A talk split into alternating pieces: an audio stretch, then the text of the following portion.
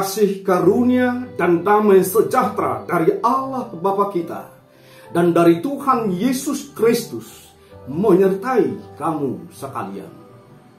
Amin.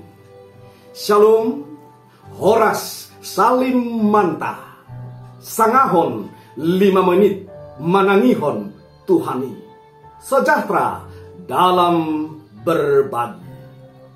Firman Tuhan bagi kita hari ini adalah tertulis dalam Lukas pasal 5 ayat 5 yang berkata demikian. Gaben dinna si Simon ma mangalusi. Guru, manipat sa borginodo huhalo jaho kami. Suadong dako. Alai mga sahon hatami, uno doau sumapakon. Simon menjawab, Guru, telah sepanjang malam kami bekerja keras dan kami tidak menangkap apa-apa. Tetapi karena engkau menyuruhnya, aku akan menebarkan jala juga. Saudaraku, mungkin sering kali kita merasa di dalam kehidupan kita ini seolah-olah sia-sia.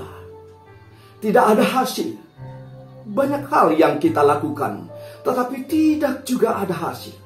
Seolah-olah hidup kita hanya begitu-begitu saja. Tidak ada hasil, atau tidak bertumbuh, atau tidak berkembang. Terkadang kita hampir putus asa. Kita pasrah dengan keadaan. Kita patah semangat. Saudaraku, pada kesempatan ini, marilah kita belajar dari sikap Petrus yang dalam kisah ini disebut Simon pada waktu dia dipanggil Tuhan Yesus untuk menjadi seorang penjala manusia. Pada waktu itu, Tuhan Yesus melihat mereka sedang membersihkan jala bersama para nelayan yang lain. Rupanya, semalaman mereka bekerja dengan sia-sia. Mereka tidak mendapat tangkapan sama sekali. Lalu Tuhan Yesus naik ke perahu Petrus dan meminta dia untuk menebarkan jalannya. Secara logis, Petrus bisa menolak perintah Tuhan Yesus ini. Dia adalah seorang nelayan. Sementara Tuhan Yesus dididik sebagai tukang kayu seperti ayahnya. Tentu saja Petrus lebih tahu tentang menjala ikan dibanding Tuhan Yesus. Kemudian pada saat itu hari sudah terang. Jika malam sebelumnya saja pun para nelayan tidak mendapat ikan, apalagi siang hari.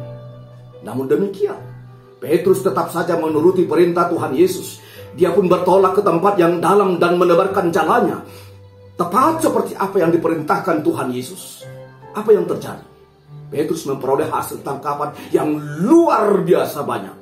Sampai-sampai jalannya pun robek. Bahkan ketika teman-temannya datang membantunya, dua perahu mereka hampir tenggelam karena terlalu banyaknya ikan yang didapat. Saudara, inilah yang akan terjadi juga ketika kita mengarahkan kehidupan dan pekerjaan kita seperti apa yang Tuhan mau. Kehidupan dan pekerjaan kita tidak akan sia-sia, tetapi akan berbuah banyak. Marilah kita belajar dari Petrus yang patuh terhadap arahan Tuhan Yesus walaupun terlihat tidak masuk akal agar kehidupan dan apa yang kita kerjakan memperoleh hasil yang lebih baik. Tuhan memberkatimu dalam segala usaha dan pekerjaan kita berdoa. Kami bersyukur Tuhan atas hari yang Tuhan berikan ini kepada kami. Engkau tahu Tuhan bahwa dalam kehidupan kami banyak hal yang ingin kami capai. Sering kali apa yang kami kerjakan tidak mendapat hasil yang baik firman pada saat ini mengingatkan kami untuk taat kepada firman dan perintah Tuhan. Ajar kami Tuhan untuk tidak menjauh dari firman-Mu. Jangan biarkan hidup kami berlalu begitu saja tanpa sapaan dari firman-Mu. Agar hidup kami memperoleh hasil atau buah yang lebih baik ke depan. Hanya dalam nama Yesus, ampuni dosa kami dan terimalah doa kami. Amin.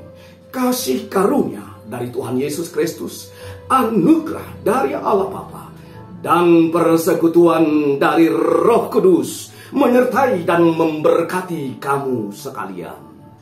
Amin. Shalom.